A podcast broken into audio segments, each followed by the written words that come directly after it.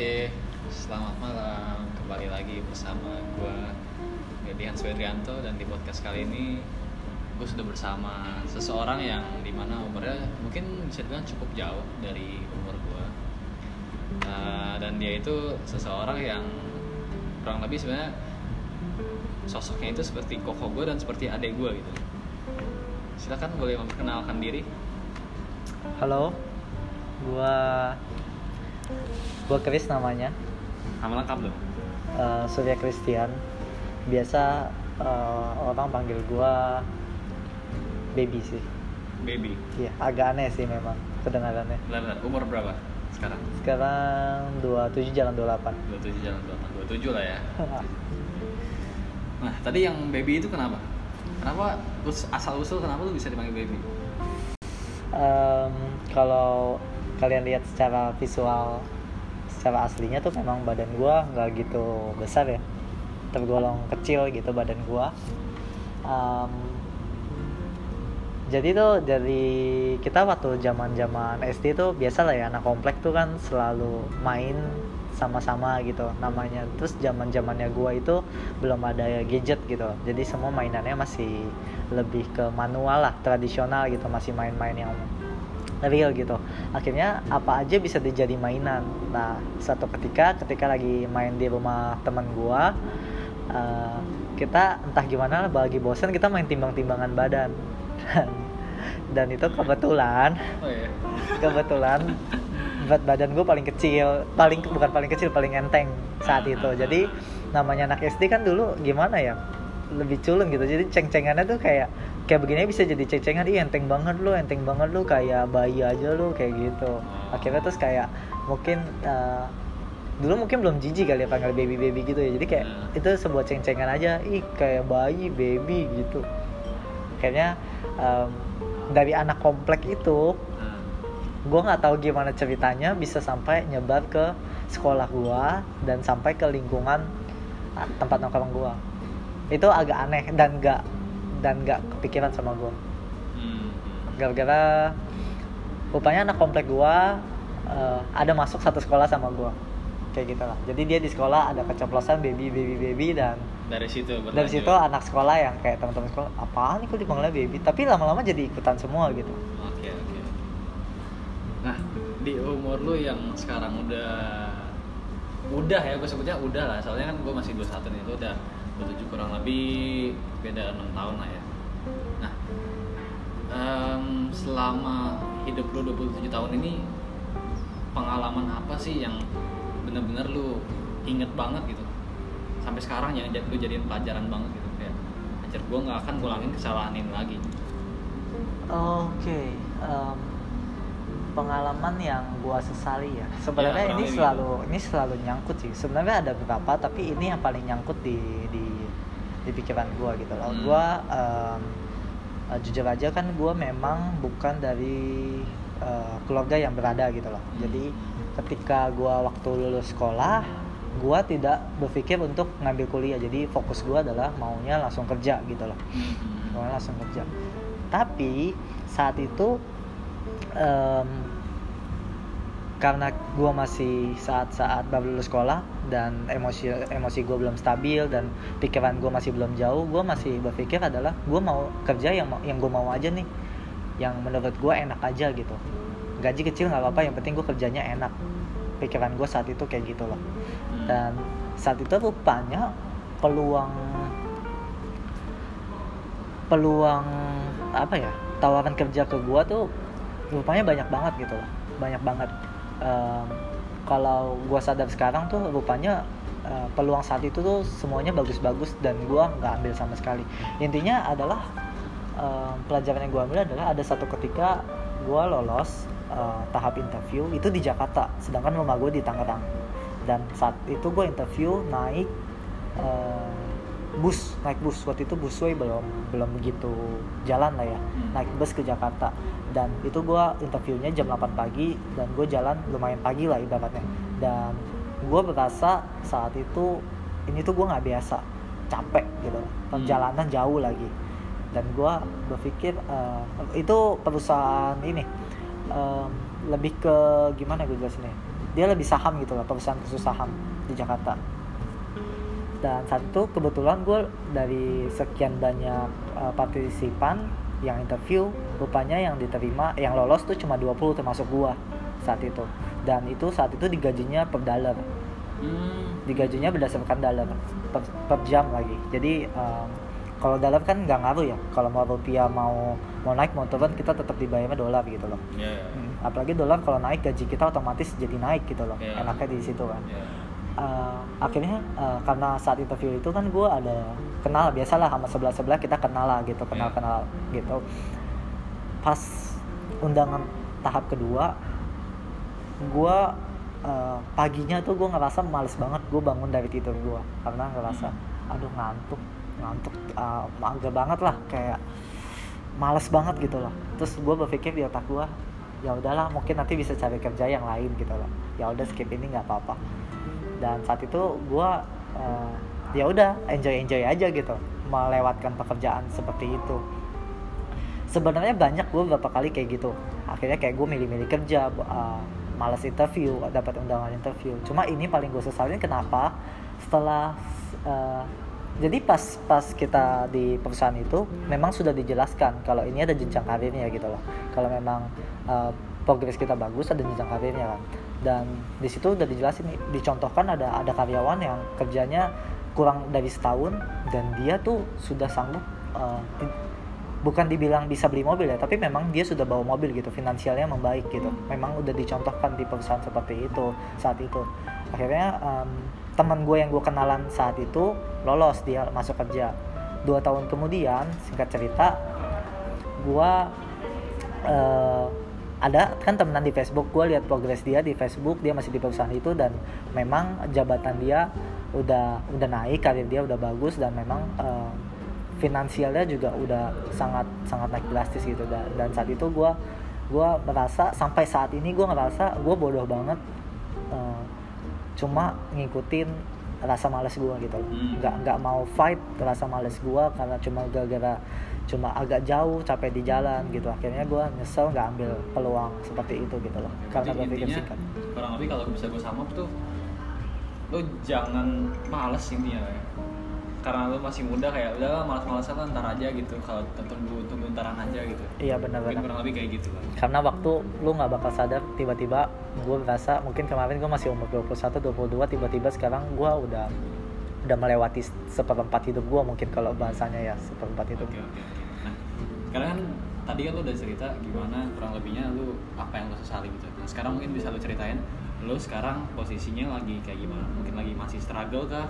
Atau eh, udah mulai menemukan eh, titik-titik yang bisa membuat lo ke depannya bakal bagus? Atau mungkin ya gimana gitu? Dari dari personality lo di umur 27 ini kondisi lo yang sekarang ke arah mana atau udah kayak gimana? Hmm, gini kalau untuk eh, saat ini gue sekarang ya gue ngerasa gue sempat ngerasa down banget karena eh, pengaruh dari sosial media pengaruh dari teman-teman. Kita tuh sering banget ngelihat kalau teman-teman kita progresnya jauh lebih cepat dibanding kita. Misalnya contohnya teman kita umur 23, 24 karirnya sudah bagus atau usahanya udah sukses. Jadi karena kita sering banget eh, berkaca sama teman kita which is itu nggak salah sih. Eh, tergantung kita menyikapinya tapi gue sering banget dulunya eh, jadi down gitu loh jadi down. Gue ngerasa eh, gue cukup gagal di umur gue saat itu gitu loh jadi gue struggle. Em, dan em, akhirnya gue belajar kalau em, sebenarnya waktu setiap orang itu menurut gue berbeda-beda gitu loh. Em, kecepatan kecepatan kecepatan progres. progres orang tuh setiap orang berbeda-beda dalam hidupnya gitu loh. Kita nggak bisa maunya sama dengan orang lain gitu loh. Iya. jadi intinya kalau saat ini gue sekarang kalau boleh jujur gue masih sering ngerasa eh, gue berada di quarter life crisis gue gitu loh. Hmm. jadi gue sering ngerasa gue paling gagal gitu gue paling gagal. Walaupun gue sering motivasi diri gue sendiri eh, di luar sana tuh banyak loh yang sama kayak kita yang sedang berjuang gitu loh. Karena eh, nggak semua orang bisa punya waktu yang sama intinya. Eh, intinya sekarang ya gue lagi fight aja sih sama hidup gue gue gua berusaha untuk tidak tidak jangan sampai tidak melakukan apa-apa gitu lakuin uh, apa yang bisa peluang apa aja yang ada ambil belajar sebanyak-banyaknya tambahin pengalaman gue karena gue percaya uh, apa yang gue lakuin sekarang ini uh, niat gue sekarang ini usaha sekarang ini gue pasti da bakal dapat waktunya nantinya gitu waktu Hmm, khusus hmm, hmm, hmm. Oke. Eh, menarik ketika lu bilang ada sosial media. Mungkin lebih ke pressure nggak sih? Kayak pressure dari sosial media orang yang nunjukin kalau mereka tuh udah di titik di mana kayak oke gue udah di titik yang aman nih di umur segini gitu. Kayak gitu nggak sih? Kalau umur umur segitu kayak bahkan pressure untuk nikah kayak strata sosial di mana kayak umur 30 wah gila lu udah tua banget kalau nikah gitu. Ada nggak Eh, sih ada nggak sih kayak gitu? Kayak pressure pressure. Ada ada banget sih ada banget sih. Jadi kalau umuran gue sekarang tuh lucunya tuh ya kalau gue buka Instagram atau sosial media Mhm. itu isi konten teman-teman gue tuh udah foto anaknya video Hmm. anaknya atau Iya, emang foto USG anaknya yang dia lagi ngandung. Jadi emang atau bahkan udah wedding gitu udah wedding. Sedangkan di sini lu isi masih wedding. Isi ini gue masih belum nemu bukan nemu ya pasangan aja masih baru gitu loh Iya, ibaratnya. iya. Heeh. jadi ya kadang gue ngerasa wah gila sekarang isinya udah udah punya anak semua gitu loh. Uh, sedangkan gue masih kepikiran kapan ya gue siapnya buat merit gitu loh Mhm. kayak gitu itu lumayan jadi pressure sih tapi balik lagi ke diri kita tetap kita harus suggest diri kita bagaimana kita menyikapinya gitu loh kadang apa yang terlihat di sosial media menyenangkan belum tentu aslinya menyenangkan gitu loh Iya. Eh, dan apa yang mereka lalu- lalui, lalui itu misalnya contohnya gue tidak berusaha menegatifkan hidup orang sih tapi Hmm. menurut gue kadang apa yang eh, menikah cepat gitu Mhm. mungkin orang ada yang bilang enak dan di di di gue berusaha sugesti diri gue sendiri adalah ya gue belum siap gitu loh buat nikah cepat jangan Hmm. sampai malah jadi berantakan gitu tetap kita nggak boleh nggak boleh nggak boleh iri sama orang boleh jadiin mereka motivasi tapi kita nggak boleh iri sama hidup orang gitu loh karena Hmm. gimana pun eh, apa pun yang mau kita lakukan adalah balik lagi ke kesiapan diri kita dari berbagai aspek gitu loh Hmm. jadi gue sempet struggle banget sama sosial media akhirnya gue berusaha eh, menghindari sosial media selama cukup lama gitu. Gue tidak main sosial media sama sekali untuk berusaha gimana ya. Eh, ibaratnya bikin diri gue tuh jadi lebih lebih tenang lagi lah gitu loh. Hmm. Jadi lebih tenang. Jadi gue bisa lebih fokus apa yang dengan apa yang mau gue lakuin dengan apa yang gue lakuin. Gue tidak ke distract sama uh, cerita-cerita orang Iya. postingan bahagia orang. Jadi gue bisa fokus sama diri gue sampai akhirnya gue ngerasa gue udah bisa terima itu semua kayak kayak kita akhirnya belajar sendiri lah Iya yeah, benar-benar. Gue juga pernah sih kayak off Instagram selama setahun kurang lebih. Eh, dan itu bikin banyak benefit sih. Benefit dalam arti kita jadi lebih menghargai waktu ketika kita bertemu orang gitu.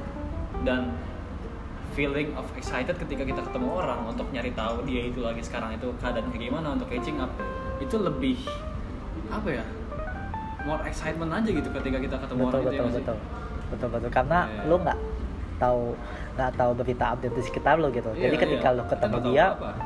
lu benar-benar bisa bisa ada ada pembicaraan aja gitu Iya. Iya. Oke. Kurang lebih itu sih yang pengen gue tanya. Cuma gini. Mungkin gue ngerasa kita semua apa pun yang kita alamin kita nggak nggak nggak sendirian pasti ya. Pasti ada orang yang merasakan hal yang sama gitu. Nah mungkin lu bisa ngasih semangat ke diri lu sendiri atau mungkin orang yang di luar sana banyak yang merasakan hal yang sama kayak lu gitu. Kayak lu mau ngasih pesan atau lu mau ngasih kayak um, feeling of mengajak mereka yuk kita bareng-bareng uh, kerjain hal yang pengen kita kejar gitu atau pesan-pesan untuk mereka Em, buat teman-teman kalau yang saat ini sedang ngerasa berada di eh, quarter life crisis atau emang berasa berasa lagi krisis banget lah sekarang. Krisis mental krisis kepercayaan diri krisis semangat. Saat ini gara-gara lu ngelihat teman-teman lu jauh progresnya lebih cepat dari lu. Eh, menurut gue saat ini yang ngerasa kayak lu gitu tuh bukan cuma lu aja gitu. Banyak banget Mhm. banyak banget yang di luar sana yang posisinya mungkin sama kayak kita gitu loh. Yang lagi struggle juga sama hidupnya gitu loh. Jangan jangan kita cuma berpatokan sama beberapa orang hidupnya sukses terus lu ngerasa hidup lu paling susah gitu lu ngerasa hidup lu paling right. paling payah gitu. Yeah. enggak men.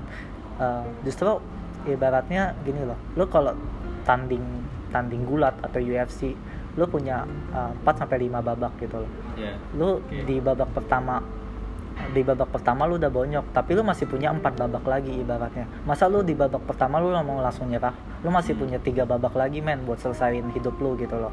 Jadi sebenarnya hidup lu tuh masih panjang jangan ngerasa aduh gua udah late late 20 nih udah mau mendekati 30 padahal hidup lu tuh masih seperempat bab gitu. Loh lu masih punya tiga bab lagi gitu. Lu jangan jangan nyerah duluan gitu. Lu masih ada bab lainnya yang cukup panjang lu masih bisa fight sama hidup lu.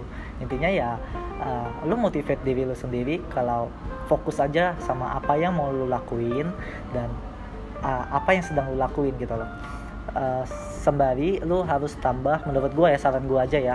Pengalaman itu penting sih apa pun yang lu lakuin apa pun yang lu kerjain ada peluang apa ambil aja men. Jangan jangan uh, fight aja rasa males lu. Kadang emang rasa males lu aduh ini kerjaan ini gue nggak suka nih. Jangan lihat ya kayak gitunya lu ambil pengalamannya gitu loh. Skillnya yang lu ambil. Karena suatu saat nanti gue yakin pasti bakal kepake kok. Oke. Terakhir satu kata yang jadi pegangan hidup lu.